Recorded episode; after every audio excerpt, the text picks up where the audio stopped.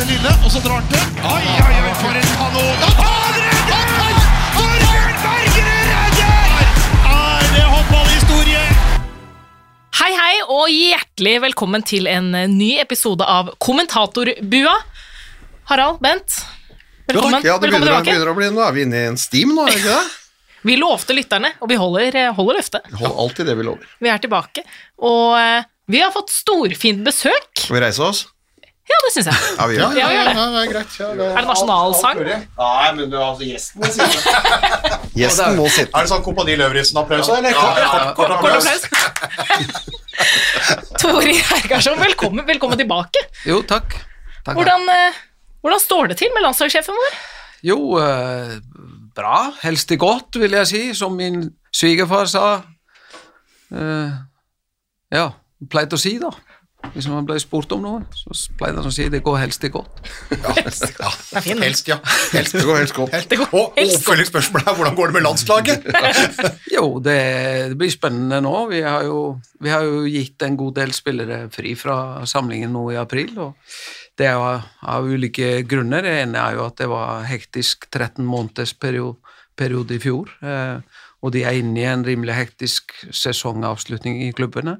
Og, og så er det for å slippe til eh, noen av de som har vært med, men uten å ha sentrale roller. Så får de stå litt fram og, og være litt ledere.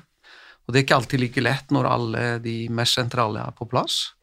Og så er det noen unge jenter som, som trenger å få noen referanser. For dere skal nå inn i denne EOF Eurocup, siste samling før dere egentlig skal ha en ganske lang eh, pause fra samling. Vi Ja. kan jo ta og se litt på denne troppen, da. Lagt inn i farvekoder, selvfølgelig. Eh, Alltid fire farvekoder, delt inn i fire grupper. Men hva er grupperingene? Det er veteraner som har fått fri. Det er eh, elleve stykk. Det er debutanter, seks stykk. Det er eh, altså ferskinger. Altså folk som har landskamp fra før, men som egentlig har under en håndfull omtrent. Eh, Det er fire. Eh, Og så er det da eh, rutinerte. Altså mesterskap og mange landskaper. Det er sju. Så det er eh, fire. Så hvor, vil- hvor, hvor, vil du Hvor starte? vil vi starte? Nei, men bare altså, de, som har fått, de som har fått eh, fri, da, hvis du tar rundt seks meter, så er det jo venstrekant. Camilla Herrem og Sanna Solberg eh, Isaksen. Marit Røsberg Jacobsen på høyre. Kari Bratseth Dale på linja. La du merke til at jeg sa linja nå, ikke på streken? Sånn som Ja, du- veldig bra. Ja, jeg vet at du liker det. Ja, det er jo en linje, Ja, det er en linje og ikke en strek. eh, for det er noe helt annet. Strek er noe helt, det er tegneserie, ikke sant? Ja, nettopp. Vi har vært gjennom den uh, før.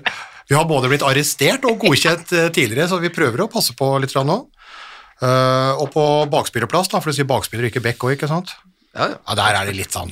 Ja, ja, Ja, det er Kall det hva du vil. Ja, ja, vi, kaller det hva du vil. Ja. Da kaller vi for Haralds eksempel begrepsskole er jo faktisk inne i Første avsnitt av Harald Bredlis begrepsskole. Nei, det var det med en gang jeg nevnte, med, med en gang jeg nevnte Kari, så bare slo dere en sånn tidligere strek-linjediskusjon som vi har hatt med sånne Men- begreper i håndball. Men eh, når du sier begrepsskole, er veldig bra, for at eh, vår kjære avdøde Nils Hersberg, som var jo generalsekretær i lang, lang tid i Håndballforbundet, han, han var veldig klar på at begreper er til å begripe med.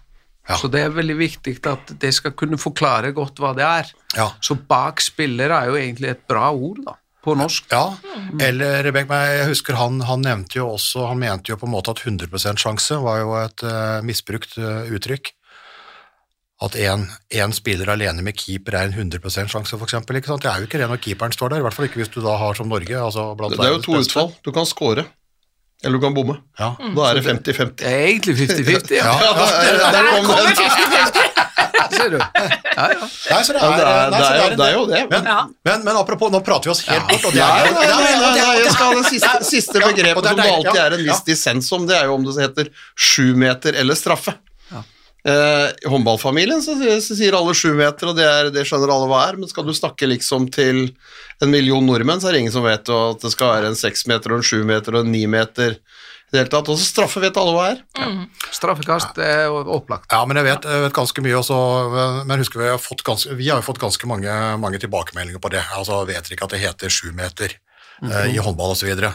Eh, jo, eh, og det er en del andre ting. Vi vet at i forsvar så heter det enere, toere og treere, men vi bruker det litt. Og vi, Bent og jeg da, eh, har vært egentlig ganske, det har vel starta med de andre jeg har kommentert med òg, altså Gunnar Pettersen, Svein Tore Jacobsen.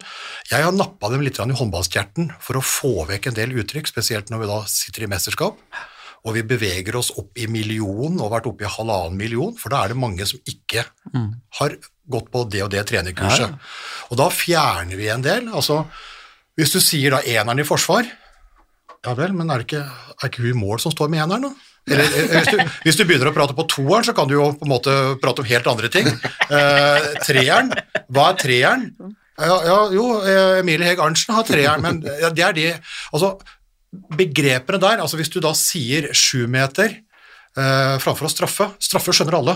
Så mitt utgangspunkt er at Og håndball går raskere og raskere, så mitt utgangspunkt er at vi skal prate på en måte som gjør at flest mulig skjønner mest mulig Ja. på kortest mulig tid. Helt klart. Og da dropper vi en del. Så vi, vi prater fryktelig lite om, eh, om russere og tsjekkere og polakker, eh, for det er jo ofte Ja, hvis ikke vi spiller mot dem, da. Ja, jo- ja Uh, og nå spiller vi ikke mot Russland. Øh, og, men, uh, men, men det er en del sånne ting der at du har at du har en sånn øh, Flensburg her og Skeiv der, og kjører en Veszprem der. Altså det er, det er, altså, og, og ulike lag legger ulike ting eh, i det òg, ikke sant? Ja, ja, Vesprem heter jo Kairo på Island. Ja, Ja. Så for eksempel. for eksempel. Ja. Da har vi til og med skifta verdensdel. Ja. Men, men dette her med enere og toere og treere, det, det er jo lett å si enere og toer, men sånn ytterst, ikke sant? eller de ute på, ute på kanten, altså treere, de i midtforsvaret, eh, og så gjerne da følge opp med at uh, der står nå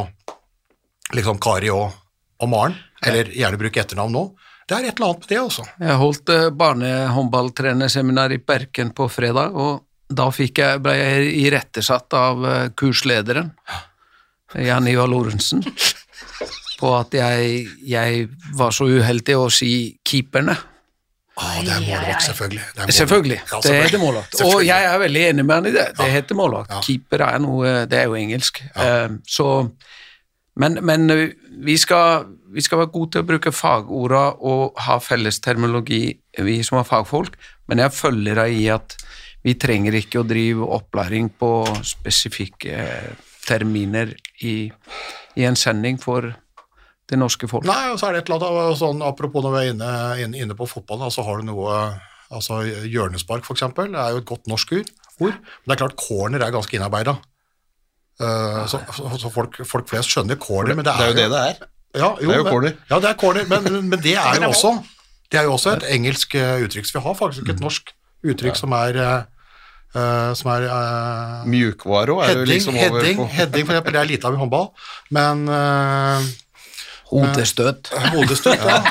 Nikke. nei, det, nei, men det er noen sånne begrepsgreier der, da. Men, men, men tilbake til agendaen. Ja, Tilbake til ja, det er agendaen. håndballpod. Ja, ja, ja, eventuelt, for eventuelt nye lyttere så gjentar vi altså Herrem, Solberg, Isaksen, Bratseth, Ale og Jacobsen rundt seks meter. Uh, og bak i banen uh, Henny Reistad, Veronica Christiansen, Stine Bredal Oftedal, Nora Mørk, Moa Høgdal, nå er vel hun skada Og skada. også. Hun skulle ha vært med. Ja. Er skada, og, og det er for så vidt Marit Røsberg også. Ja. Så, Eh, for de har jo ikke da fått kjørt like mye. Og så har vi da Katrine Lunde og Silje Solberg som målvakter. Yes.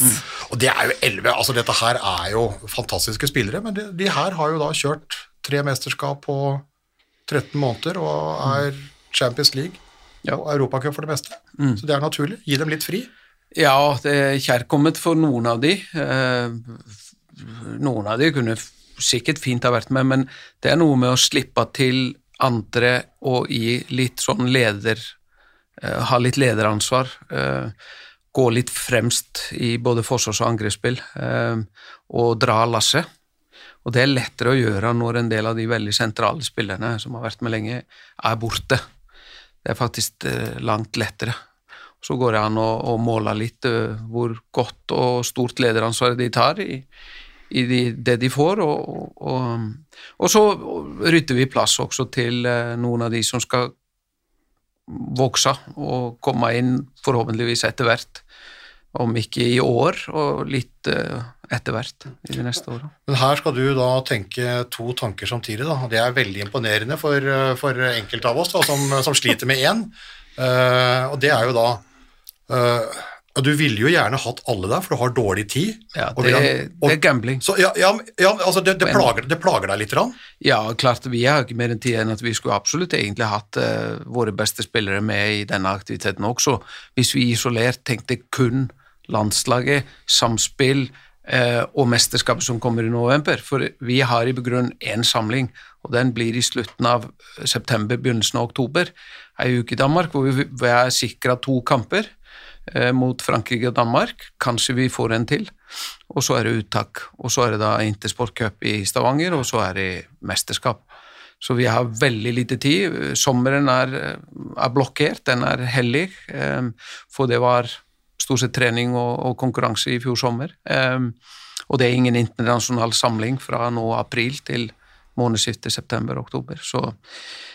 Men samtidig så vet vi at i hvert fall ti, ni-ti av de du nevnte i sted, som ikke er med, det er rutinerte spillere, det er spillere som kjenner hverandre veldig, veldig godt, har gode relasjoner, eh, spiller på høyt nivå, eh, har massiv erfaring, så de finner tonen fort når vi samles. Men vi må få flere tett på, og derfor så er det godt å slippe de til. Ja, for, men det er, dere sier altså Ikke bare skal de da ha fri fra denne aprilsamlinga med to kamper mot Nord-Makedonia, men de får sommerfri òg, ikke sant? Altså fra den sommersamlinga. Men du, du drar det så langt at du kaller det gambling? Ja, ja gambling Ja, det var det du sa! Ja, på en måte er det det, for at eh, jeg, altså det man egentlig burde ha gjort når man får mindre tid, så burde man ha verna enn mer om det og, og bare hatt det dedikert, eh, dedikert den spillergruppen vi har. Men nå er det jo sånn at de her sentrale, de er, de er kommet veldig langt. De er riktig, riktig gode, og avstanden til de som skal ta seg inn i det her, den er, den er tydelig. Og da, da trenger de også å få kjenne på det og være med oss, og få vise litt mer av seg sjøl. Ja, så kan du, du kan jo også se på det som gambling hvis du hadde tatt dem ut, og de skulle, skulle liksom vært gjennom en uke da med én og to økter om dagen og to kamper. Er det en gambling i den fasen de er i sesongen nå, hvor de spiller bam, bam, bam, bam, bam hele veien? Så, så kan jo det også Det er jo en gambling i forhold til om du kan, eh, kan ende opp med skader, skader enten på belastningsnivå eller, eller andre, an, andre ting. Så, så, så det, er, det, er, det, er jo, det er jo nesten en umulig oppgave å skal drible sånn som, sånn som internasjonal håndball har blitt, så er det nesten en umulig oppgave. Ja, for Men, du må eh, velge da det, det samspillet kontra da det å da ha det med lengst mulig. Ja. For her tenker han jo da selvfølgelig OL Paris 24. 24. Ikke sant? Det er den langsiktige tanken. Og at, at de da vi nevnte her nå, gjerne skal være med. Der, de, de, De de, er de fleste av dem. ja. og noen av de er jo spillere som da skal ta det videre derfra, Ja. Men, men, eh, sammen med flere. Men eh, da det jeg kaller eh, altså rutine, da, de som har vært med lenge, og som, som skal være med nå i april, hvis vi da ligger rundt seks meter Kontinuitetsbærere. Ja, der har vi, altså på- på linja da, så har vi jo Vilde Mortenstad Ingstad, Uh, og så har vi Maren Årdal, som kom inn med fynn og klem nå i, i VM. Malin Aune ute på høyrekanten. Vi har i mål så har vi Rikke Granlund, som jo har fått litt mesterskapserfaring og vært med i tropp nå. Eh, Emilie Heg Arntzen er vel kanskje mest rutinert av dem. Kristine Breistøl har jo vært uh, noenlunde fast inventar. Og så dukker Helene Gikstad Fauske opp igjen. Altså Har jo mesterskapet og er vel pluss 30 landskamper, men har jo vært litt ut av det. Ja, Ja, og det har vært en avtale Hun valgte å steppe litt, eh, ta et steg tilbake etter VM i 19. Følte ikke at hun liksom fikk helt slått seg inn i det.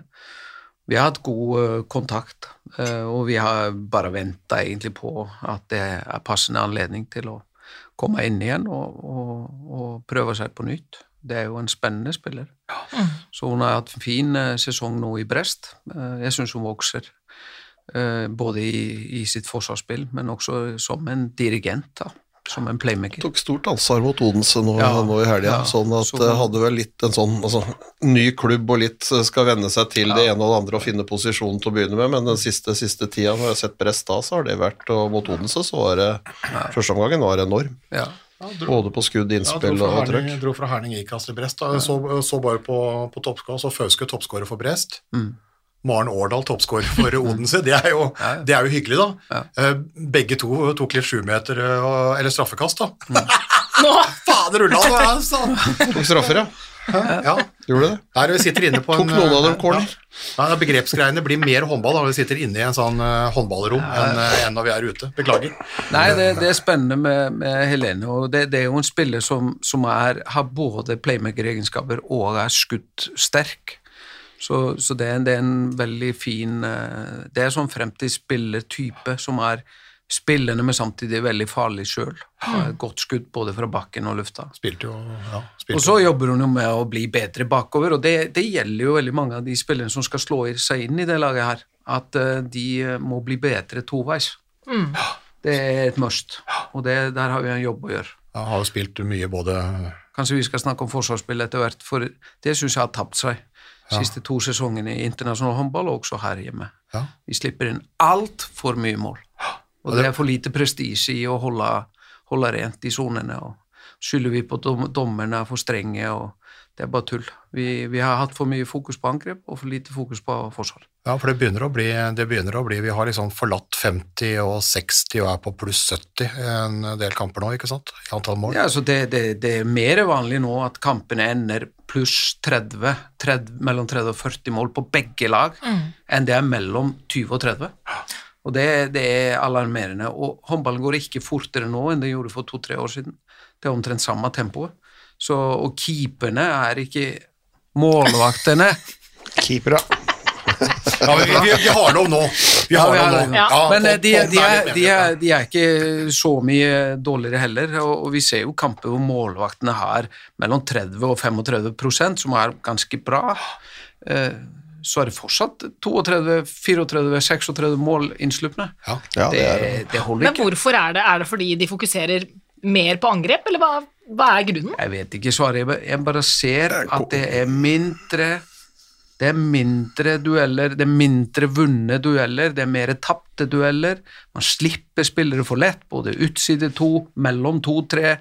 Eh, Det rykkes for mye i dueller. Eh, Så kan du si at når det gjelder ener og, og kantavslutt, så, så er det jo sånn at man, man blir straffa så hardt hvis man, kommer, hvis man er i kontakt med kantspilleren.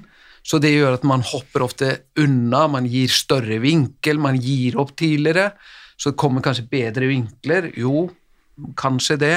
Men jeg, jeg, jeg syns jeg gjerne vil gjerne provosere. Altså, jeg syns det, det er litt glemt nå. Eh, Det er, det er mye angrepsfokus, mye angrepsdrill, mye fokus på detaljer i det, og det er vel og bra, og det er utvikla mange, og det er mange som spiller det langt bedre angrepsspill enn de gjorde for noen år siden, men man har glemt forsvarsspillet. Jeg syns det har blitt eh, stå, stående litt sånn bak døra.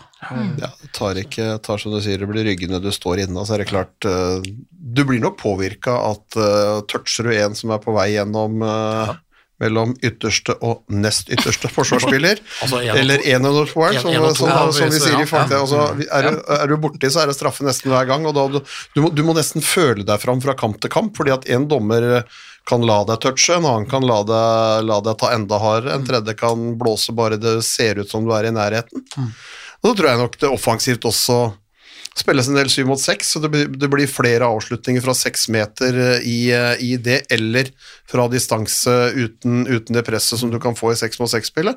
Så det, det er noen, men, men jeg er helt enig med deg at eh, altså den, den, den, den tøffe, steinharde, vinne ball, stå i taklinger, jobbe opp, låseball. ikke sant. Altså folk er for dårlige i duellspill, og ikke minst for dårlige til at når du først er i en duell, så er det nesten ingen som greier å fullføre og jakte den ballen og få, få laga det bruddet, for det er jo det det snakkes det om. Altså hvis du ser ut ti håndballkamper en uke, så er, det, så er det 30 timeouter, og de snakker jo om å lage brudd, brudd, brudd, brudd, brudd i alle timeouter, alle som prater om det. Altså vi må lage flere brudd, vi må stoppe litt av det, vi må stoppe flyten.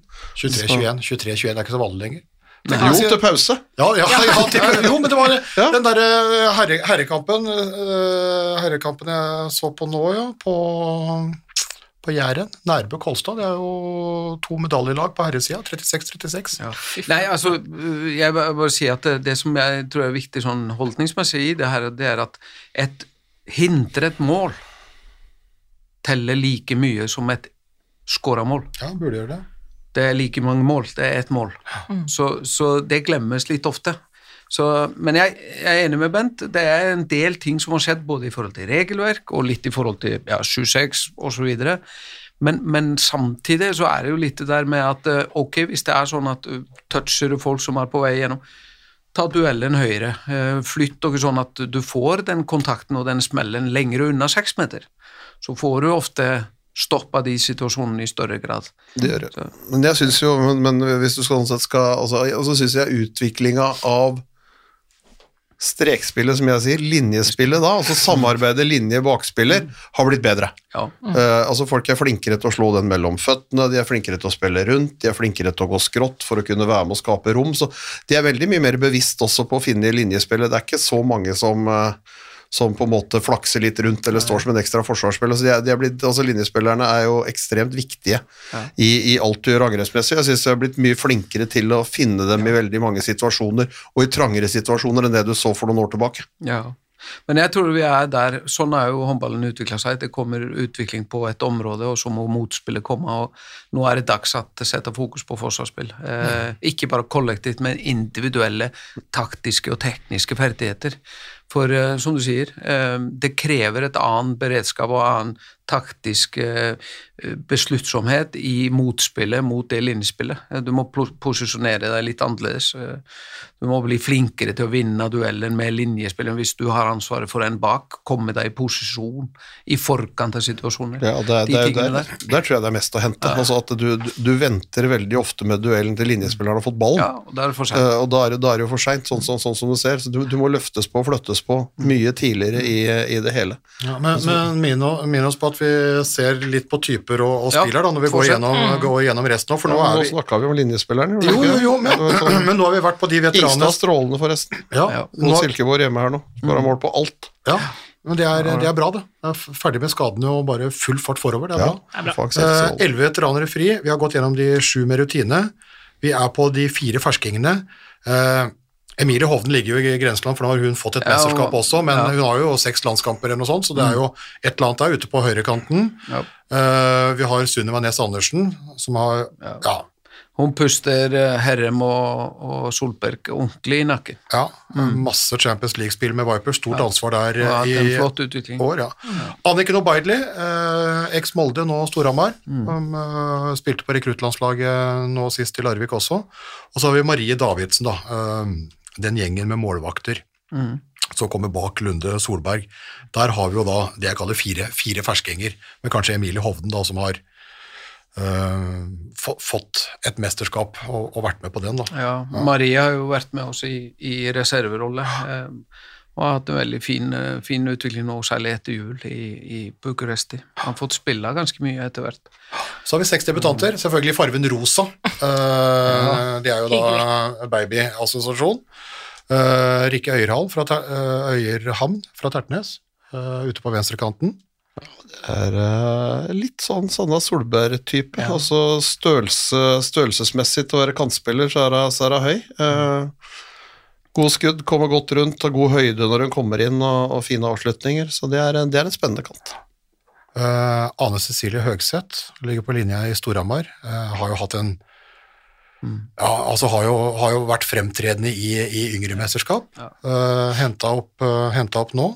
Jeg har jo vist i E-cupen med Storhamar og altså, enorm fysikk. altså Ref det vi prata om, når innspillet først har kommet, så er det bare, da er det bare å flytte seg og glemme. ikke sant? Så det er, eh, så det er fysikken i det som eh, fortsatt må jobbe en god del med avslutningsteknikken sin, men eh, har også fått en eh, mye større rolle defensivt for Storhamar, så hun på en måte har utvikla forsvarsspillet, og så er hun god i vendingene, og så er det på en måte det siste.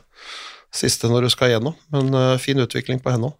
Litt sånn blanding av egenskapene til Heidi og Else Marte Sørli Libek i sin tid, altså på den alderen. Litt sånn litt sånn kloning av de to uh, i, i sitt spill. Ja. Klarer vi å klone noen av de fremste, så er jo det ingen ulempe. Ja, nå Nei, tenker er jeg sånn som de var eh, når de var liksom eh, Ja, ja, 20, men- 20 pluss. Ja, men da kan det jo bli noe når de er Absolutt. Ja, 37. Nå kommer jo, nå kommer jo Heidi Løke til å banke på etter en tredje fødsel. Du kommer til å banke på døra di igjen, det vet du jo. Det er ikke sikkert at du åpner opp, men eh, Man skal aldri avskrive løke, nei. det, er, Det går ikke an. Det går ikke an. Det kan du ikke gjøre. Eh, og, og, det, og det sier vi ikke av frykt for broder Frank, men det sier vi at Heidi Løke, det er det, er det villeste hodet på noen Ja, det, spiller. er På, en sånn- på, på den måten, måten Ja da, det finnes mange der med, med, med mørker og Altså, herremer det, og det er lunder og skrevet mye om grit, altså på engelsk Mm. grit. Heidi er et uh, levende eksempel på det. Ja, vi skal finne ut det. Har jo termin nå i april, så Ja. bare, bare, bare, vent, bare vent og se. Bare vent og se. Uh, en av Roosevelt av tvillingene, Tale, Ja, som nå er i Molde på, på ve- venstresiden bak. stor fysikk.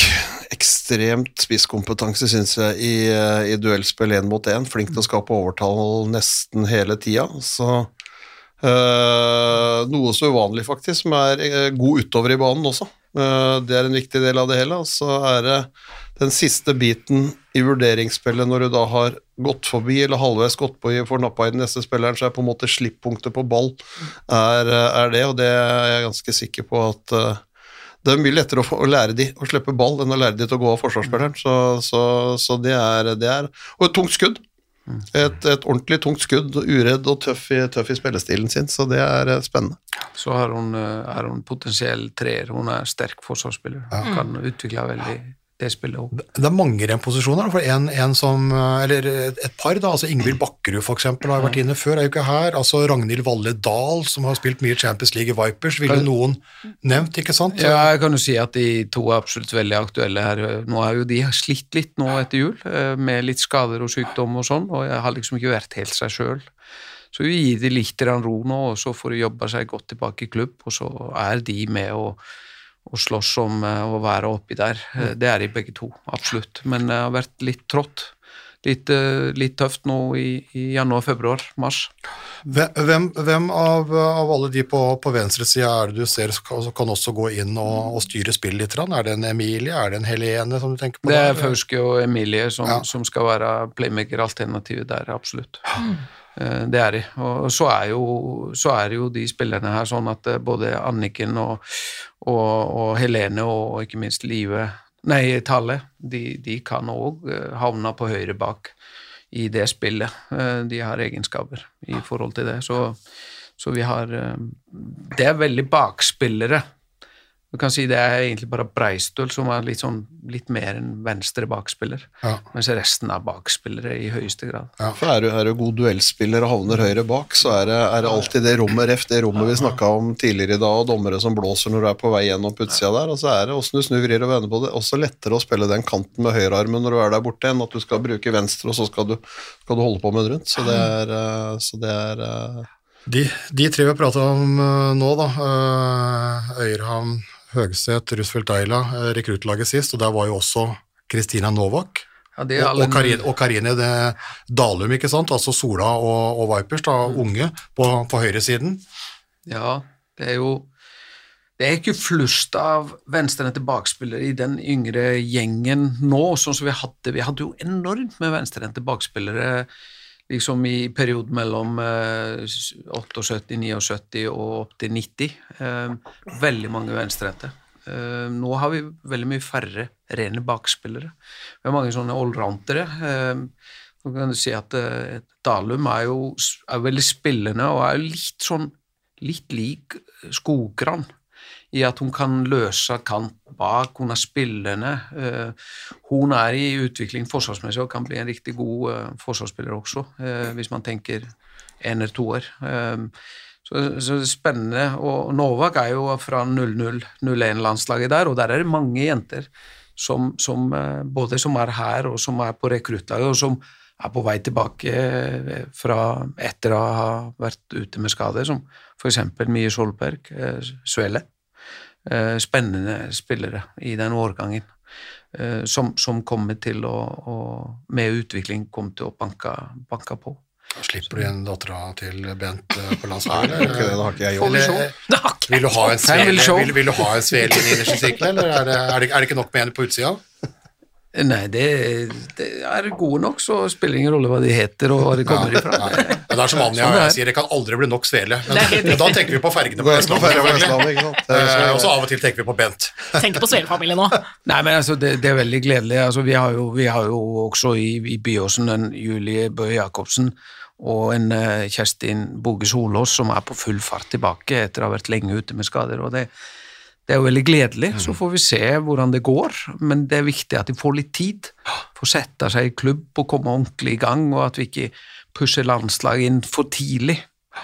Særlig i en sånn hektisk sluttspurt som det er nå. Ja, for her, her prater vi om korsbånd og menisker alle veier, ikke sant, I, i de to i Byåsen og da Mia da i, i, i Nykjøping. Eh, siste debutanten er jo Eli Råsok, som da Storhamar henta opp uh, fra Danmark da Stine Lidén ble Gravid. gravid. Mm. Og Fra Randers. Lykkelig valg for uh, Råsok, det. Og ja, har jo stått, eh, stått kanonbra. Ja, ja, har stått, stått fantastisk. Jeg har sett uh, mye av de kampene der, og det var jo kommet inn og satt standarden har stått på 40% i en haug av, de- av de kampene, så det er en Hun sto også bra i Randers i, i, før jul, eh, Ja. i flere kamper. Så vi har hatt henne litt sånn i kik kikkerten. Men, men av de, de fem utespillerne her, de, har jo, de, de var jo på, på rekruttlandslaget nå. Mm. Det, var jo ikke, det var jo ikke Eli, men da kommer jeg inn her og får, eh, ja, får prøve seg. ja. Det er spennende. Veldig spennende. Hvem skal, hvem, skal ta, hvem skal stenge det forsvaret, slik at det ikke blir eh, 47 bak Ja, det blir jo ikke det mot eh, Nord-Makedonia, eh, med all respekt. De er bra, de. Ja, men, er bra men, men hvem skal gjøre slik at eh, at, eh, at den ikke slipper inn noe mer enn nede på det er, 20-tallet? det er hun som syns at det er helt ålreit når de som angriper, begynner å grine. Begynner å skrike. Begynner å skrike, sa Maren Årdal. Når hun begynner å skrike, da har vi gjort en god jobb. Nei, det er Maren og Vilde og, og, og Ane og, og Emilie Hegansen og Breistøl i treer, eh, Tale Rusfeldt Eila også som en potensiell treer. Det er de der som skal snøre sammen eh, med et midtforsvar. Um, og så, så er det jo da um, jenter der som er i- per dato noe kommet lenger angrepsmessig enn de har forsvarsmessig, og de, de får, eh, får noen referanser, og så får vi se hva de trenger å trene på for å, for å kunne spille toveis i et landslag. Og du vil ha et 6-0-forsvar med litt variasjon? Ja, vi, vi prøver å få de inn i vår tankemåte. Nå har vi jo jobba med 6-0-forsvaret og utvikla det gjennom de siste par åra. Vi, vi kommer til å variere mer imellom eh, at vi står høyere, eller spiller høyere med toere våre i noen settinger. Nest Eh, ytterste. Nest ytterste spilleren. Eh, Litt med tanke på høyden til de spillerne vi ofte har der, og for å slippe å være avhengig av bytter forsvar-angrep med mer enn maks én spiller. Og så, så har vi jo forsøkt å løfte forsvarslinja noe høyere. Vi er jo rimelig høyt i perioder med hele midtforsvaret vårt, og så er det liksom å finne en balanse mellom å ikke være for høyt, men samtidig ha en god sånn forhold mellom toere, treere og, og ikke minst enere. For enen i dag er veldig hissig på å ligge høyt, for at de skal ligge, liksom, ligge litt på snappen, og har sett Camilla Herrem og blir Og så er det helt greit så lenge det er godt samarbeid mellom ener og toer, men hvis både ener og toer ligger veldig høyt, så får vi disse supervinklene på kantene som alle lag i dag straffer deg for, øh, med pasninger over soner. øh, Og det, det er jo kanskje ikke det vi er ute etter. Men, øh, men som sagt, det blir mest det, fordi at vi ønsker å få det litt inn i vår tankemåte, og, og litt i forhold til hva vi har gjort av justeringer siste tida i forhold til spillet. Men, men du som da er fra, fra Sagaøya, altså det er jo noen her som for 1000 år siden, hvis de hadde levd da, Ja, De hadde vært i krigen. de hadde vært i krigen. Altså, de hadde ikke vært hjemme og passa unger Alle linjespillerne, linjespillerne hadde vært ute i, i, i foran i baugen, de. Ja, ja. De hadde vært i baugen nå. De hadde vært, de hadde vært først i land. Med skjold og sverd. Ja, øh, skjold, skjoldmøyer. Ja, det hadde vært. Det er helt overbevist om. Ja, det, det Fikk du du bruk nevnte for det, grunnfag i historie og Harald. Skjoldmøyer her. ja, ja, det, det du nevnte det, nei, Vi ble jo litt sånn uh, glad i Maren Årdal, altså, altså først og fremst for, uh, for, for det hun leverte på banen som, som debutant, men også litt sånn, litt sånn øh, typen. Altså litt sånn uh, ja, måte at, du, at du går i krigen. Du elsker egentlig å, å, å få litt juling og ta litt juling. Du elsker den der fighten der. Og når jeg sier liksom Det er best når de skriker. Og skrik på trøndersk er jo å grine. Ja. Altså Du får motstanderen til å grine, da har du gjort jobben din. Det er et eller annet med den holdningen der som bare er å elske, altså. Det er viktig å ha noen sånne i, i et lag, absolutt. Ja, alle trenger ikke å skrike. men, Bare noen. Men, men, nei, men, av, men av og til. Men dette her er jo Men da er det dette her vi skal kose oss med i, i april. Det blir bra, det. Ja, det Ja, så har vi et rekruttlag som skal være her i Oslo, og der er det jo noen jenter som, som var jo i diskusjonen om å få muligheten her, og så får vi jo se, men eh, der har vi jo noen reserver Um, å ta av om det skulle skje noe med disse. Eh, og som sagt, noen på vei tilbake fra skader, og så, og så ytterligere noen gode kandidater til et mesterskap. Det har vi jo fortsatt. F.eks. For eksempel Marta Tomac eh, er jo en av de som, som ikke er med her og ikke var med. og og på en måte, vi vet hva hun står for, og hun er jo i, i et, en toppklubb som kjemper om å komme til Champions League, så hun er i godt miljø. Så hun er på en måte ingen rekrutt lenger. Hun er mer en Enten så er hun A-spiller i en A-stall og, og mesterskap, eller så er hun en konkurrent. Mm. Jeg fikk jo koronaen midt i, Ja. midt i fleisene. Tok av tok Det har sett bra ut etter jul. Ja. Nå ses det delen. Veldig bra. Men vi har jo vært litt inne på dette med belastning. Det er jo derfor disse, mange av disse jentene er, skal ikke være med nå, men vi hadde jo Glenn Solberg på besøk, Ja. og da snakket han mye om denne med fremtidens håndballspiller. Vi snakka mye om belastningen, det er heftige greier, og opplegget ser ikke ut til å forandre seg. Skal vi spille litt av den, eh, det Glenn sa? Vi er litt nysgjerrig på hva du tenker, Torir, om, om dette. Ja, vi får høre. Det i hvert fall vi har veldig fokus på, er jo at, eh, at vi, må, vi må bygge atleter som tåler å spille håndball, og bygge atleter som tåler å spille ni kamper på et mesterskap. Da. Eh, og i tillegg spiller eh, Bundesliga eller Frankrike eller Ungarn eller hva det måtte være, og det det er ingen som kommer til å, å gjøre om på det programmet. Det kommer antageligvis til å bli større belastning, men det kommer i hvert fall ikke til å bli mindre belastning. Så vi må tilpasse oss den belastningen som er, og ikke ha så mye fokus på at det er så stor belastning, men heller eh, bygge, bygge håndballspillere og atleter som tåler det eh, programmet der. Og det, det har jeg veldig, veldig tro på. Men det må være krevende, det også. Altså når det er så mye kamper som det er. Ja, absolutt. Det er sjukt krevende, og det er sjukt krevende å, eh, hva skal vi si, å overbevise og skape den kulturen hvor hver spiller tenker utvikling i klubben sin, fordi klubben de, de betaler lønnen, og de er opptatt av å vinne eh, der de er, eh, mens jeg er ikke opptatt av at, at spillerne skal eh, spille ni kamper i januar. Eh, så det å hjelpe og støtte spillerne på å, å tenke landslag og tenke at eh, jeg må faktisk legge ned noe mer trening enn det klubben, klubben krever, fordi jeg skal spille forhåpentligvis ni kamper i, i, i januar. Da. Det, det er ikke så lett å, å få inn de ekstra øktene eh, i uka som gjør at de eh, tåler belastningen og klarer å restituere seg, klarer å trene med kvalitet igjen og trene med kvalitet og orke å stå der og vinne medaljer. Da. Torir, jeg ser du nikker. Ja. Eller i desember. Eller Ja, er november, ikke- eller november som ni, det blir nå. kamper i, ni kamper i november eller desember eller januar spiller for så vidt ingen rolle. Um, nei, jeg er veldig enig med Glenn i det. Det er, jo, det er jo noe som vi har hatt veldig mye fokus på i, på norsk kvinnelandslag veldig, veldig lenge, i over 30 år. Det er å være best trent, være godt trent. Og i den sammenhengen eh, så sier vi at vi ønsker å utvikle selvstendige utøvere som tar ansvaret for sin egen eh, vei, eh, altså vil si de tar ansvaret for de valgene de gjør. Og du gjør valg hver dag i forhold til trening og treningsprioritering, forberedelse til kamper og etterarbeid etter kamper. Eh, det er ditt ansvar å stille eh, godt forberedt til treninger og landslagssamlinger hvis du er landslagsspiller. Og det er veldig, det er veldig viktig at det er stor forskjell på å være elitespiller og da spille bare, bare klubb, eller å være en elitespiller som også er internasjonal landslagsspiller, og spille da for et landslag som har på en måte et overordna mål om å slåss om medaljer i alle mesterskap. Hvor det er, som Glenn sier, det er ni kamper hvis du skal hele veien. Åtte til ni kamper, avhengig av om det er EM eller VM eller OL.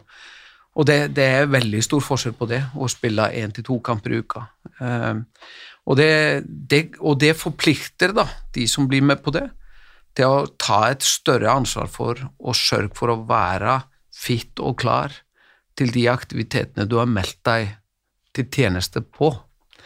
Eh, og så er det sånn, da, at man kan alltid skylde på andre og så si at ja, men klubbtreneren og klubben sier så og sier så. Det, det blir å forsøke å støtte de, utfordre de og hjelpe de i forhåpentligvis, og i mange tilfeller god dialog med klubbtreneren. og Det, det har vært en av mine kjepphester. Det er å, når vi har landslagsspillere og, og de kommer til nye klubber, så forsøker vi å ha god dialog med de klubbene. Og få uh, treffe de, og få på en måte komme litt sånn face to face. Det er ofte lettere å løse utfordringer underveis. Og vi opplever jo, uansett om det er utenlandske klubber eller, eller, eller norske eller, eller landslag, klubblag, så er vi jo veldig ofte enige om hva spilleren trenger å utvikle. Og det er jo stort sett en ønske om at de skal være best mulig rusta til både klubbkamper og landskamper. Men så er det jo noen ganger at uh, det er ulike interesser i ulike perioder, og det må en leve med. Og jo mer selvstendig tenkende utøvere du har da, jo større sjanse er det for at du løser det. Men hvis du har utøvere som bare gjør som treneren sier hele tida, så risikerer du å få utøvere som da trener for lite eller feil, og kommer i dårlig tilstand eller ikke forberedt til et mesterskap. Så det gjelder liksom å, å, få til den der balansen. Så, den er hårfin. Den er det. Og, og, det er læring. Det er noe som du må, som Glenn sier, det er forsøke å utvikle spillere og hjelpe spillerne til å utvikle de egenskapene. Og, og, det er ingen tvil om. Du må være stein godt trent for å tåle det her. Eh, og, og, det krever at du tør å trene i kampperioder. Og så må du finne den balansen at du ikke trener for mye, men du må heller ikke trene for lite. For da vil du måtte betale for det litt seinere, noen uker og måneder seinere. Så det er liksom å lære seg å finne ut av det, og så kan én metode passe deg og vi er i samme lag og har samme kampbelastning, så kan én type trening passe deg, men så er det noe annet som er viktig for meg. Og det er ikke noen sånn kollektive løsninger. Og det er jo der den der selvstendigheten kommer inn, at utøverne lærer seg å få verktøykasse, og så vet de jo etter hvert som årene går, mer og mer om hva er viktig for meg for å være sharp, være klar, og så alle de gode folka rundt, de skal brukes som sparringspartnere og støttespillere, ehm, sånn at du, du møter forberedt til det du skal i. Ja, for det er jo ingen, ingen av de 28 spillerne her vi i ulike kategorier har sagt som ikke, ikke kjører en del på egen hånd utover, utover klubb. De har, de har, program. Ja, de er, de er, i stor grad eh, flinke til å, å, eh, å, trene selv og ha disiplin på det. Og så, så er det alltid å finne en god balanse i i i forhold til kampprogrammet og klubbens program. Så det er, det er, jo ikke sånn at man skal, man skal, på en måte gå på tvers av det, men man skal prøve å tilpasse det sånn at du får best mulig. For det, for det er jo sånn i oktober og november, hvis, hvis, du har mesterskap i desember. I september, oktober og langt inn i november så er det jo tett med kamper, for det er både seriespill og Champions League-spill og europacupspill. Og da er det jo sånn at eh, det er gjerne kamper søndag, onsdag, søndag. Og da er det jo sånn at uh, den sikre i hermetegn død da, for en landslagsspiller som skal spille et EM eller VM i desember, det er å, å, å trene sånn som de spillerne som skal ha pause i desember og ikke skal være med. Uh, for da de må på en måte fylle på f.eks. maksstyrke gjennom de ukene, kanskje i større grad enn de andre. Mm. Uh, men det skal gjøres da uten at du trener deg ned, men likevel med noen små drypp. Og det fins metoder og fins erfaringer og gode måter å gjøre det på, uten at det koster deg for mye.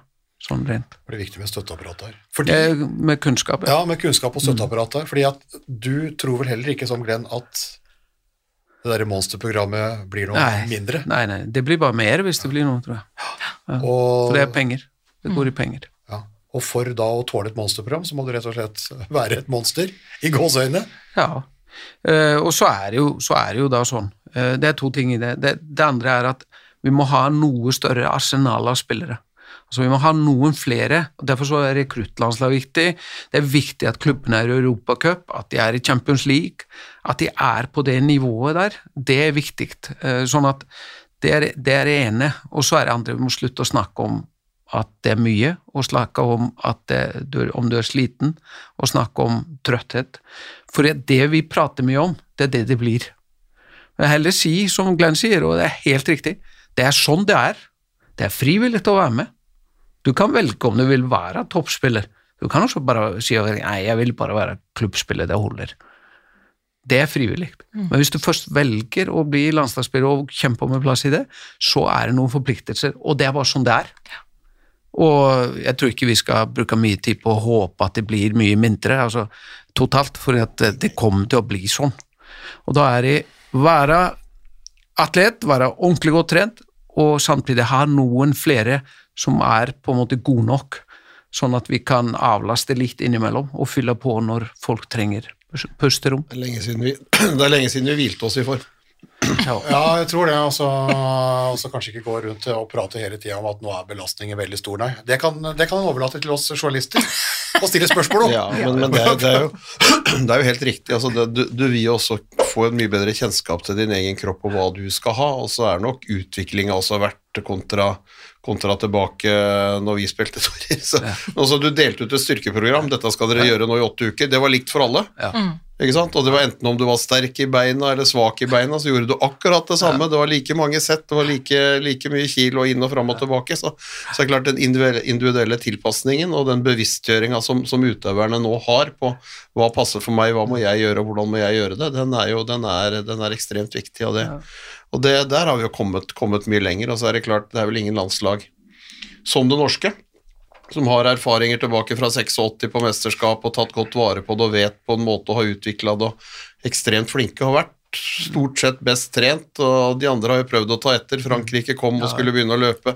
Danskene har et større fokus på fysikk nå enn de, enn de, enn de noen gang har hatt, for de ser at det er de helt avhengig av når de kommer opp. De, de, de tilbake når danskene vant gullmedalje sist, så var det ballspillende jenter som, eh, som på en måte, De var ekstremt gode med ball, de hadde gode tekniske ferdigheter, men eh, det var liksom ikke den, den, eh, den, den styrken og den tøffheten i det. Så det er, mm. så det er ekstremt viktig å, å få bevisstgjort det for alt og alle.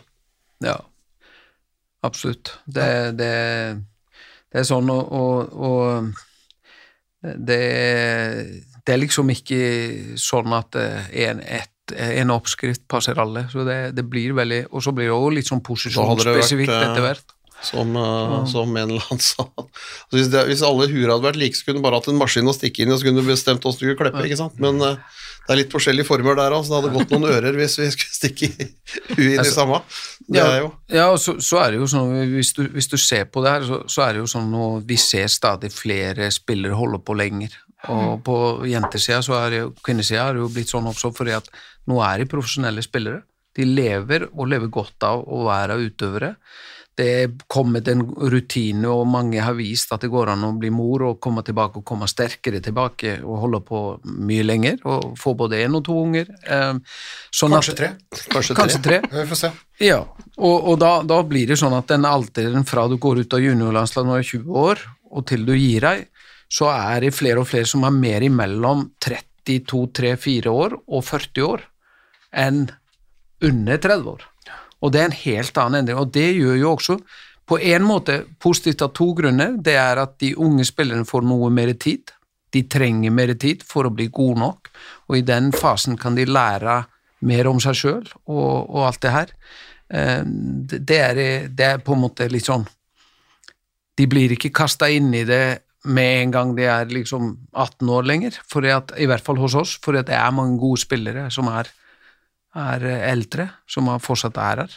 Sånn at de får noe mer tid til å bygge seg opp og lære, og, og vi vet jo at håndball er erfaringsidrett av dimensjoner. Jeg mener, de fleste som holder på, blir bedre for hvert år de holder på. De blir klokere, de blir smartere både om seg sjøl og om idretten og taktisk og alt det her. Så, så lenge du er motivert og, og frisk, så, så, utvikler du deg helt til du er 42 og til og med mer, sånn som Katrine Lunde, som er utrolig flink til å lete etter nye små utviklingsting hele tida. Noe mer kanskje på det strategiske, taktiske, men er liksom hele tida på jakt etter noen nye ting som kan legges til repertoaret.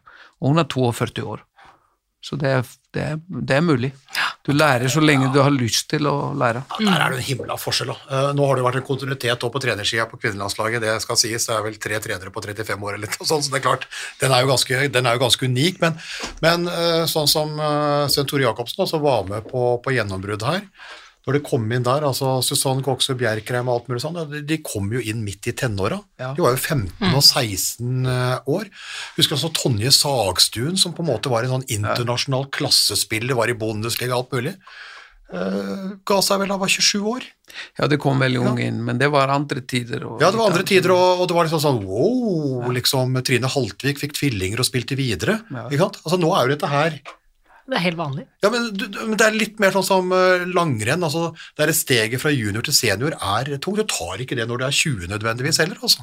Da skal du være ganske, ganske unik. Og det er en sånn eh, modenhet hvor du da kanskje har dine beste år når du er helt på slutten av 20 og liksom inn i Det er veldig viktig å huske, for at f.eks. eksempel Stine Bredal Oftedal, som er en av verdens beste playmakere, absolutt eh, fortsatt i dag, og, og, og, og hun kom inn i landslaget i 2010, da rett fra, fra junior, 19 år.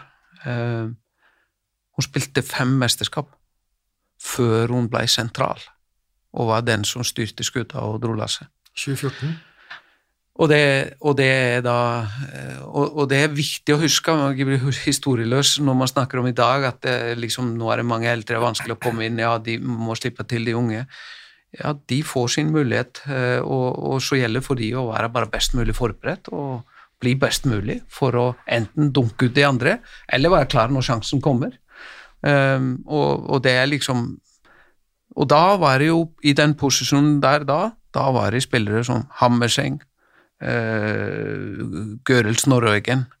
uh, Lunte Borgersen var jo også innom der, hvis man tenker i playmaker-egenskaper. Uh, det, det var gode spillere, Caroline Dyre Breivang, som var en allrounder. Uh. Det, var, det var spillere på høyt, høyt nivå, så det var ikke lett å slå seg inn. Men hun jobba og satt stille og rolig og venta på sjansen. Og tok godt vare på den etterpå. Ja, det er, Bytta det er ingen tvil om. bytta ut det mesterskapet i 2010 og vraka på dørstokken i OL i London i 2012. Eller Eller, valgt vra- ja, bort. ja, valgt bort. Ja. jeg vet at, ja, Apropos, nå er vi inne på begrepene igjen. Ja, Vraking er ikke et ord du liker godt. Valgt bort er har- Hadde hun vært vraka, så hadde hun aldri spilt mer i landslaget. Dette er en deilig diskusjon, Ja, Erik, for det er, jo, det, er jo, det er jo begrepene. Altså, ja, begriper meg. Ja, ja, ja, ikke sant? Og om du da skal leve i et prestasjonskultur, eller om du da skal lage en headline på en nettside. Ja, ja, ja. Der, der er det jo litt ulike begrepsgreier. Men jeg, jeg ser at vi, men det tok litt tid. Og jeg husker vi diskuterte det inn på derre eh, mesterskapet i, i Ungarn i 2014, det EM-et der. For da kunne du gå ti år tilbake. Så husker vi hadde litt sånn eh, Vi gikk i en snubletråd i VM i 03. Ordentlig. Og så ble det tatt grep, og det ble gull i mesterskapet etterpå. Og her var det litt av samme. Uh, Snubla litt i kvartfinalen i 13, ikke sant, i VM-et der. Uh, og så var det en del som ga seg, og så kom hele den 90-91, som da var ganske unge da. Klarer de på en måte å ta det seniorgreiene? Og så ble det nesten satt en ny standard i håndballen igjen i, eh, i 2014. Men det hadde også vært med De fleste av de sentrale der, de hadde jo vært med oss i noen år. Ja. Og, og liksom var begynt å komme Og det er jo det som er så viktig her. Det er jo nettopp å få de inn jevnt og trutt. Eh, få muligheten. Og det er mindre muligheter nå enn det var i 2013-2014 å få inn de som ligger like bak, i ordentlige aktiviteter med A-laget. For at vi har færre samlingsdager til å gjøre. Vi hadde alltid en to ukesamling i juni. En fenomenalt god samling for å liksom legge noen uh, lister og komme godt inn i det. Nå har vi ikke det lenger. Eh, hadde hadde 100, 100 samlingsdøgn. Uh, nei, vi hadde aldri Nei, ikke du, men Sven- Tore var, Han hadde søren 128 på det ja, meste. ja, ja. Men det var andre tider. ja, ja. Da måtte man trene mer fordi man lå så langt bak. Og nå har du Vi er mellom 70 og 80, inkludert mesterskap, i, i vanlige år, og så har, vi, eh, så har vi da opp mot 100, rundt 100 når det er OL og EM. Eller VM, som det var sist. da. Det har blitt annerledes, men men det er et eller annet med Men det er også et sånt postulat fra tidligere generalsekretær eh, Nils Hertzberg. Det husker jeg Mari Breivik har pratet om. Det er et TTT. Altså, ting tar tid. Ja, jo. Tar, Det gjør det. ikke, Det er bare, ingen tvil om det. Ikke, ikke bare på forbudskontoret eller andre ting, men det, det, det, det tar det ut på banen òg, altså. Men du nevnte jo det i stad, Tori, dette med at de får jo også eh, mer og mer internasjonal erfaring i klubb. Ja. Og nå har vi jo norske lag som spiller ute i Europa, flere nå enn enn noen gang. applaus. Ja, applaus for det. Ja, Ja, veldig Tenker du om det? gledelig. Sola, Storhamar, Vipers. Ja, og Tertnes var med, Ja, og Ter- og Molte gjorde for, var også med i starten. Eh, nå ble Molte og Tertnes slått, slått ut litt før, mens eh, Sola og, og, og Storhamar går begge to til kvartfinale, og det, det er veldig flott. Det, det varmer hjertet til en landslagssjef, eh, definitivt. Og det som er mest gledelig, da, det er at klubbene nå tar og ønsker å være med i denne konkurransen.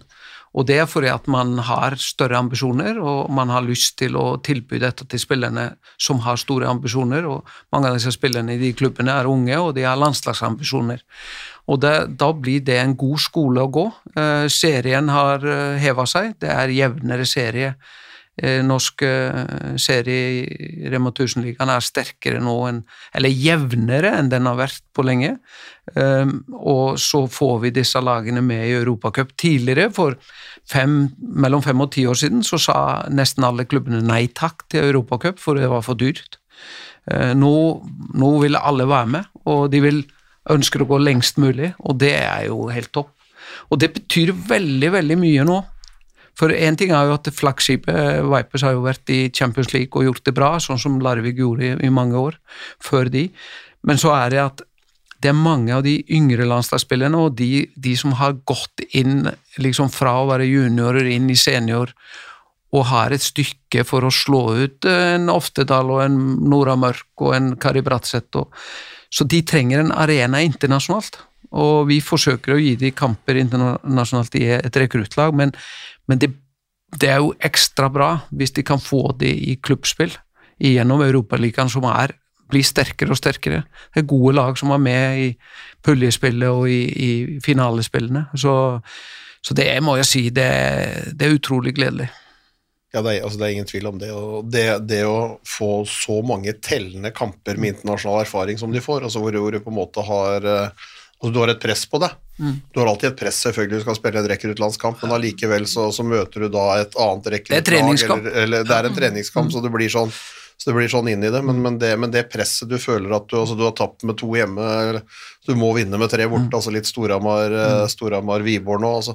så er de der nede, og de gjør, de gjør jo en god kamp, og de står opp og, og fight, fighter godt, så, det, så det, det, er ekstremt god læring i det, og det, det er ingen tvil om, og det er klart, til syvende og sist så gagner jo det også et landslag. Ja, det er vinn-vinn. ikke sant? Det som vi sier, vi er gjensidig avhengige av hverandre. Altså, Landslaget drar eh, og viser vei og drar lass og motiverer gjennom sitt arbeid, og, og klubbene legger også grunnlag for at spillerne skal kunne komme best mulig inn i landslag og, og utvikle seg til å bli enda bedre og bringe mer inn i landslag. og det da er det nødvendig med internasjonal erfaring, og det, det får man jo da gjennom den både Champions League og, og Euro, Euroleague der. Og det, det Jeg må si jeg syns det har vært gjort store steg, og det har vært viktig. Og det, det er også ekstremt motiverende for spillerne.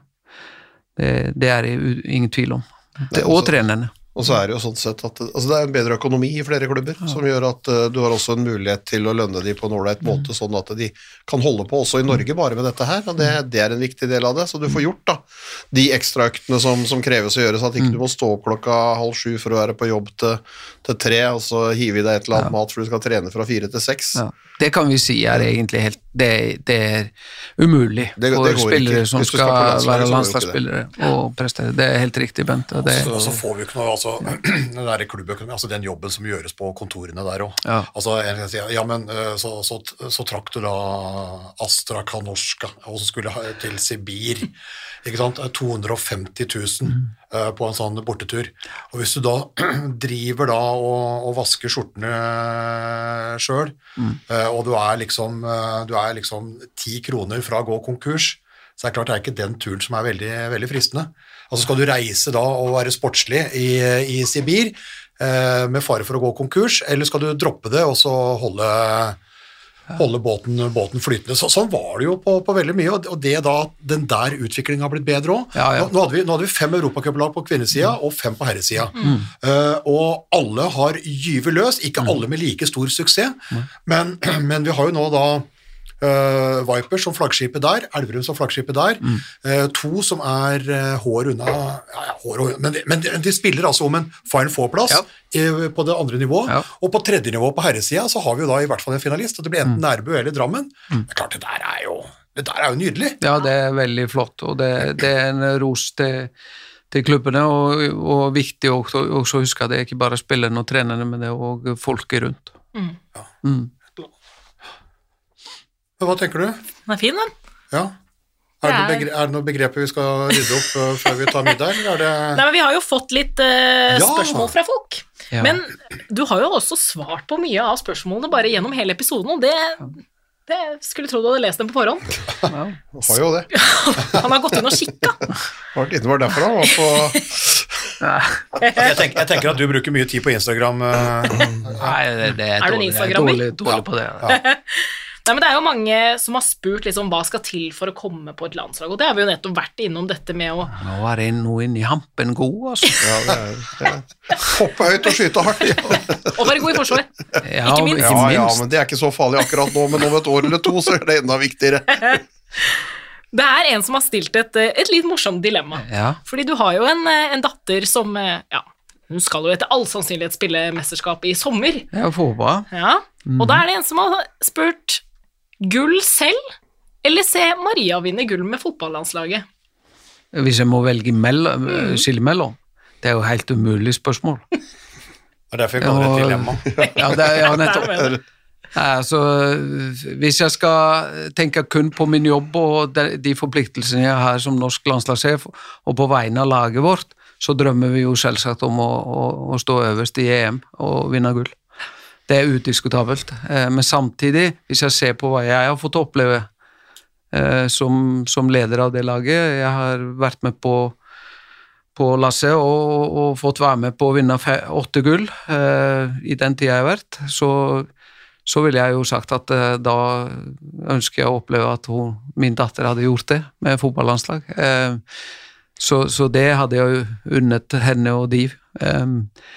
Men, men som sagt, eh, gjerne begge deler. Ja takk, begge ble, det- ble er politikersvaret. Ja, det ble det. Ja, og litt sånn som i dag, folk vil ha ja takk, begge deler hele tida. Ja. Eh, Men for å si det sånn, eh, begge lagene, enten det er fotball eller håndball, og vi som styrer det, vi må bare være så inn i hampen gode at vi, vi er gode nok til å gjøre det. Han valgte å bruke begge hattene, Ja. og så, og så bare droppe dilemmaet som én person. Altså, altså det var landslagssjefen som tok det ene, Han ville ha gull. og så Ja. var, det- var det faren som tok, ha tok det andre. Så da ble det ikke noe dilemma. Ja, da. Og jeg, og jeg må si at Du svarte jo egentlig ikke på dilemma, men jeg som har Ole Brumm som forbilde, jeg elska jo det svaret. Ja, jeg nei, det var vanskelig, godt spørsmål, det var veldig vanskelig å, å skille. Vi tar, eh, vi tar en til, da. Det er ikke et dilemma, men du nevnte jo det. Mange gullmedaljer på deg. Hva, altså Hvilken medalje eller turnering er, eh, er det som sitter i litt ekstra? På en positiv måte? Nei, alle, alle de opplevelsene var jo positive. Eh, selv om eh, OL i London var, var en mareritt som endte godt, så er det kanskje noe av de tøffeste løpet jeg har vært med på. Det var den eh, sommeren og den turneringa i London i 2012. Men det ble en veldig sånn lettelse. Og det er litt sånn spesielt. eh, at du er mer letta for at du har vunnet et OL-gull, enn du er glad. Det er egentlig ikke sånn det skal være. Men det føltes sånn der. Så vi har lovet hverandre, jeg og Mia Høgdal og, og Mats Olsson, vi som var trenerteam da, at vi skal, når vi har gitt oss og blitt pensjonister, så skal vi ordentlig feire det OL-gullet. eh, og, men, men for å si det, det er alltid de siste som egentlig sitter høyest. og Det er jo VM i Spania og avslutningen på det mesterskapet. Det sitter høyt. Men hvis man, hvis man begynner å sammenligne, så har jo hvert mesterskap sin sjarm. Eh, men, men det er alltid Du husker best den siste, egentlig. Det er, det er, ja, det er veldig Det er jo en naturlig del av det hele. Det er veldig- Jeg sliter med å glemme 14. Ja. Generasjonsskifte. Ja, ja. Litt var- altså ut, ut mot Serbia i, i Beograd, komme tilbake og, og på en måte med en uh, turbohåndball som verden aldri hadde sett. Eh, det, det er noe som, eh, som, som sitter sånn helt barka inn. Altså, de løp over alt og alle. Ja, og Helt til Karo måtte avgjøre finalen, selvfølgelig, Ja, men, men fram til finalen så var jo det så, så var det jo ingenting i nærheten. Eh, Ja, og med Lunte gravid og, Ja. og, og, eh, og godeste Kari Olvik Grimsbø skada i første, Første- kampen, kampen. mot Romania, og, og Silje Solberg inn og, og stengte Silje. Emily? Ja. Og Emily Sando. Og det, ja, så det var Ja, for det er, det er jo litt sånn som vi elsker på en måte i sporten, da. Altså, det er, det er Hollywood-regien, ikke sant. Altså, du er eh, litt favoritt og skal ta det, og så får du det på tryna, og så mislykkes du, og så lykkes du etterpå igjen. Det var jo det vi starta. Uh, Altså 03-04 03-04 er også veldig, veldig likt sånn. Ja, 13, Ja, 05-06. Ja. Ja, 13, 13-06, 13, fullt, men jeg sant? syns- St. Petersburg Men jeg også. syns liksom, etter, etter da de der to nedturene som jeg snakka om i, i 03 og 13, så syns jeg ikke bare at han kom tilbake og, og vant, men jeg, jeg syns faktisk at det var litt sånn tidsskille. Jeg syns den satte en ny standard. Ja. Altså måten Norge løp fra Ungarn i den semifinalen i 04, Ja, ja. satte en helt ny standard.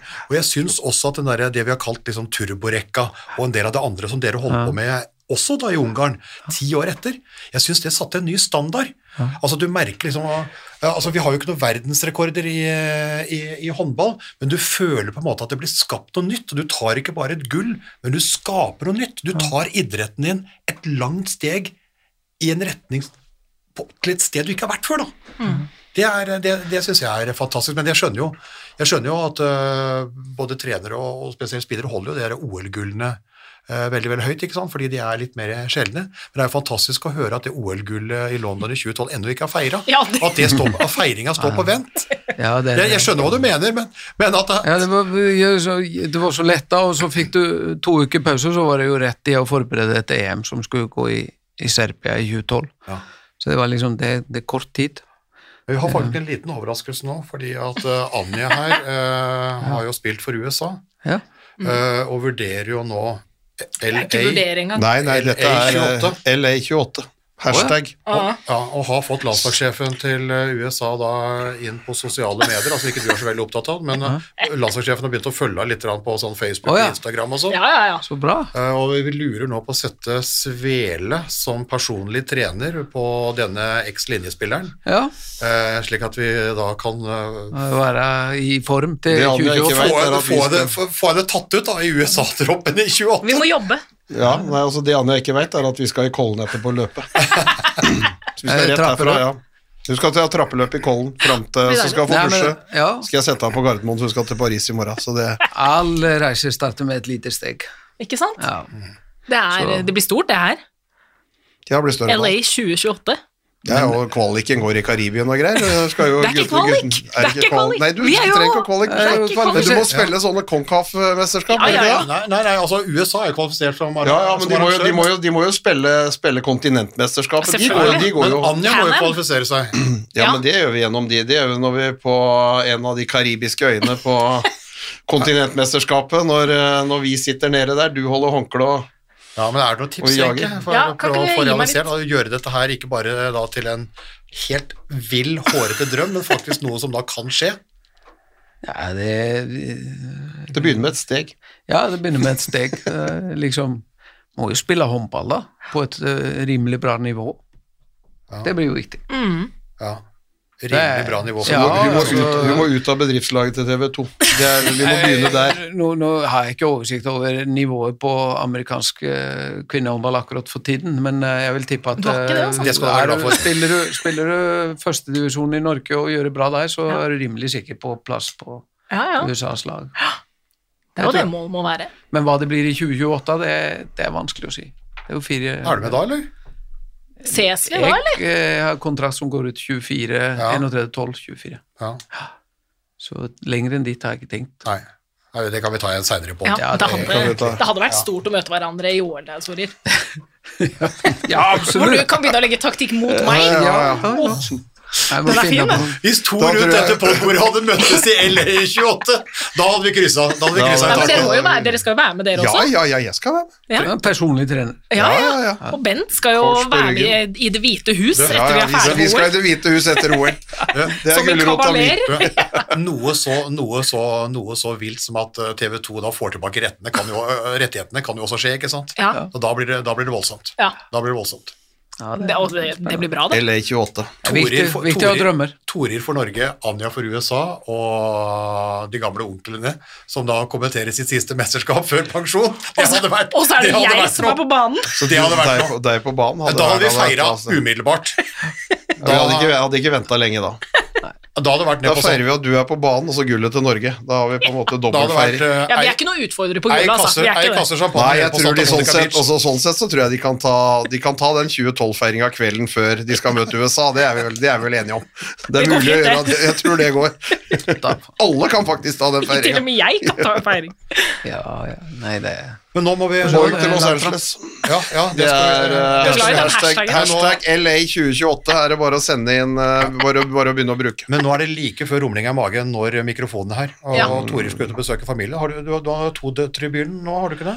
Jo, det er akkurat nå er, er hun fra England i byen, ja. Ja. Men eh, uh, ja, så jeg får se om jeg får treffe ja. en av dem. ja, er jo Norge, Norge. Ada Hegerberg tilbake, og Maria Torisdottir, alt mulig. Det er jo full rulle nå med VM-kvalikkamper, ikke sant? Og Master of Cupcakes er jo rett oppi Fy fader, Ulland, der, der har jeg, etter at du var inne her med de greiene, der har jeg der har jeg, Har du synda? Å, der har jeg vært eh, Der har jeg vært. Og det er jo omtrent Det er jo som å sluke ei mine, vet du. Ikke sant? Ja, ja. det er Det er, så det, godt, er så, det er så godt, ikke sant? Men eh, det setter seg jo rundt uh, Ja, ja, det gjør sitter, sitter godt. Vanskelig. Du var, du var jo ikke her på Nei, du fikk ikke oppleve det, Nei, ja. hadde forfall. fikk ikke cupcake. Nei, vi skal ta stikket, vi skal ta stikket oppom, oppom torget her. Og, Ja, Vi fikser det. Ja, ja, det er vel ikke det som Jeg må ikke. Altså, det, Du tar helst en gyffel giffel.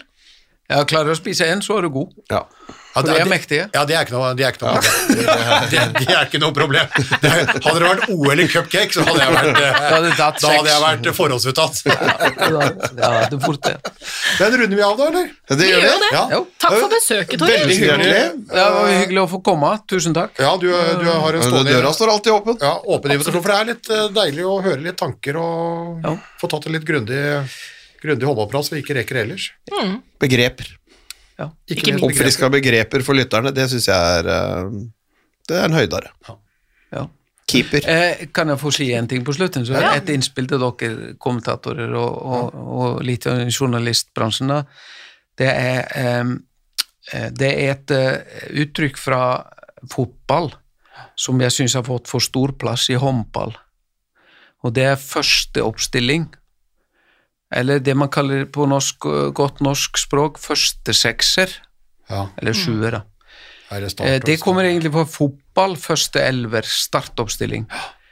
Altså, fotball er et spill hvor man minimalt har bytter. Man, man får bytte, nå får man jo bytte fem, og de syns det er revolusjonerende.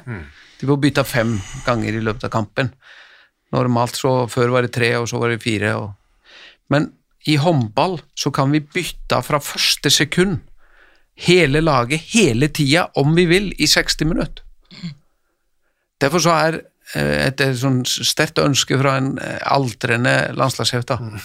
De slutter å snakke om første oppstilling, første sekser, for det at spillet, det er så iboende i spillet at du kan bytte og flytte folk og endre, og laget kan se veldig forskjellige ut i forskjellige perioder i kampen, mens i fotball så er det stort sett de som begynner, som avslutter, og noen få som får komme inn på slutten når det skal dra ut tid. Stort sett. Så, så det, det er liksom Startlag, altså, bør vi bruke. Ja, altså de som starter, ja. Ja. Ja, ja, de som starter, starter, det er ja, er, start- start, start- Altså de som begynner kampen. Ja, startoppstilling er startoppstilling uansett. Jo, men liksom første sekser, det, Ja. det, det, det, det, det, det Ute av første sekseren, strålende tittel. Strålende heading. Ja, du har Ute av førstesekseren igjen! Ja, men, Men du har, men du har ishockey, det er jo ikke sant? Første, andre, tredje og fjerde rekke, ikke sant? Og det er kvalitetsforskjell uh, uh, på en del, og du har fotball. Nei, men jeg tar poeng. Eller for ta eksempel, for En aldrende kommentator kan ikke nødvendigvis love noe over bordet, men du har et godt poeng. Nei, for, godt poeng. for eksempel sånn som var nå sist, nå er det ikke sikkert det blir sånn i neste mesterskap, men vi hadde jo en Henny Reistad som er, som er jo en eh, rasende god spiller. mm. Eh, begynte jo stort sett på benken. Og jeg vil jo ikke si at hun er noe dårligere enn de som begynte. Så det er liksom ingen rangering. du var ikke førstesekseren. Så ikke sant? Men når hun kommer inn, så har hun en viktig rolle. Ikke Hun var avgjørende i, i Rimelig avgjørende i andre omgang mot ja. Frankrike. Ja. Og det, det er liksom og det da. Ja. Så, så det var et sånn innspill i forhold til litt Ja. begreper og sånn. Ja, men det er veldig bra. Det tas imot Det er notert. Må ikke ta med alt fra fotball. Nei. Det er ikke alt som passer. Nei. Eh, corner har vi ikke. Uh, jeg har jo tatt med jeg, jeg, har jo tatt med Jeg husker jeg drev og kommenterte begge, begge to og gikk liksom sånn uke om hverandre, så har jeg klart, da har jeg jo tatt med frispark. Ja. Frispark inn i håndballen, og jeg tok med fri kast inn i fotballen. Det var ikke populært. Nei, det var ikke bra. Uh, fordi de, de i håndballen kan le av et frispark, men fotballen lo ikke av det motsatte. Men det, det, det er jo som hvis du kommer til England, og så de spør hva du holder på med, og så sier du at du driver på med håndball, Ja, det handball, da bare står du og stirrer på det, for at eh, det er hands i fotball. Ja, ja. Handball. Ja. Så da tenker de ja, ok, du spiller fotball, men du tar ballen med hendene. ja. Er landslags... Det er ikke særlig De spør ikke om du er keeper, altså. Nei, det er neste. Kunne vært. Ja, Du mener keeper. keeper. du mener keeper. Fotballkeeper. Landslagssjef i håndball inn på Old Trafford, det er ikke, det er ikke sånn at uh, du får ikke nødvendigvis Der får du gå veldig i fred og ro. ja, ja, du gjør det. Ja, det er hellig. De aner ikke hva fotball er. Nei, håndball er. De aner ikke.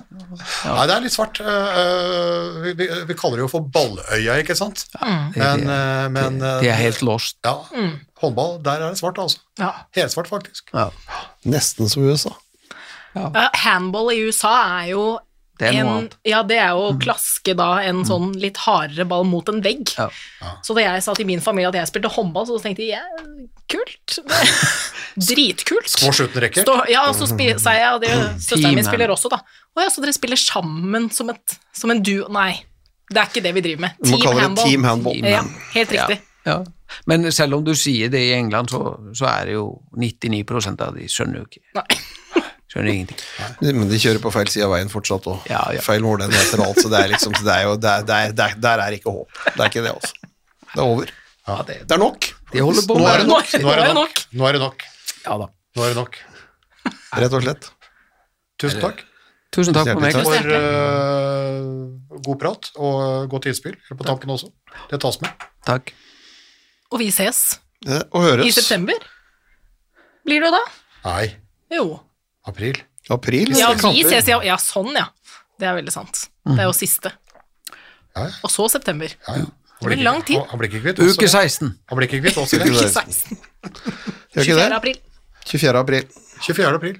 Landskamp, og så er det fri, og så blir det september, oktober og november.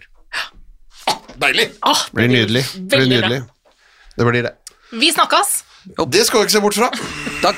Hei opp. Oi, oi, oi, oi, oi. Det er råsterkt. Så henger han det siste lille, og så drar han til. Oi, oi, oi, for en kanon. Da tar han redder! Torbjørn det håndballhistorie? Moderne media.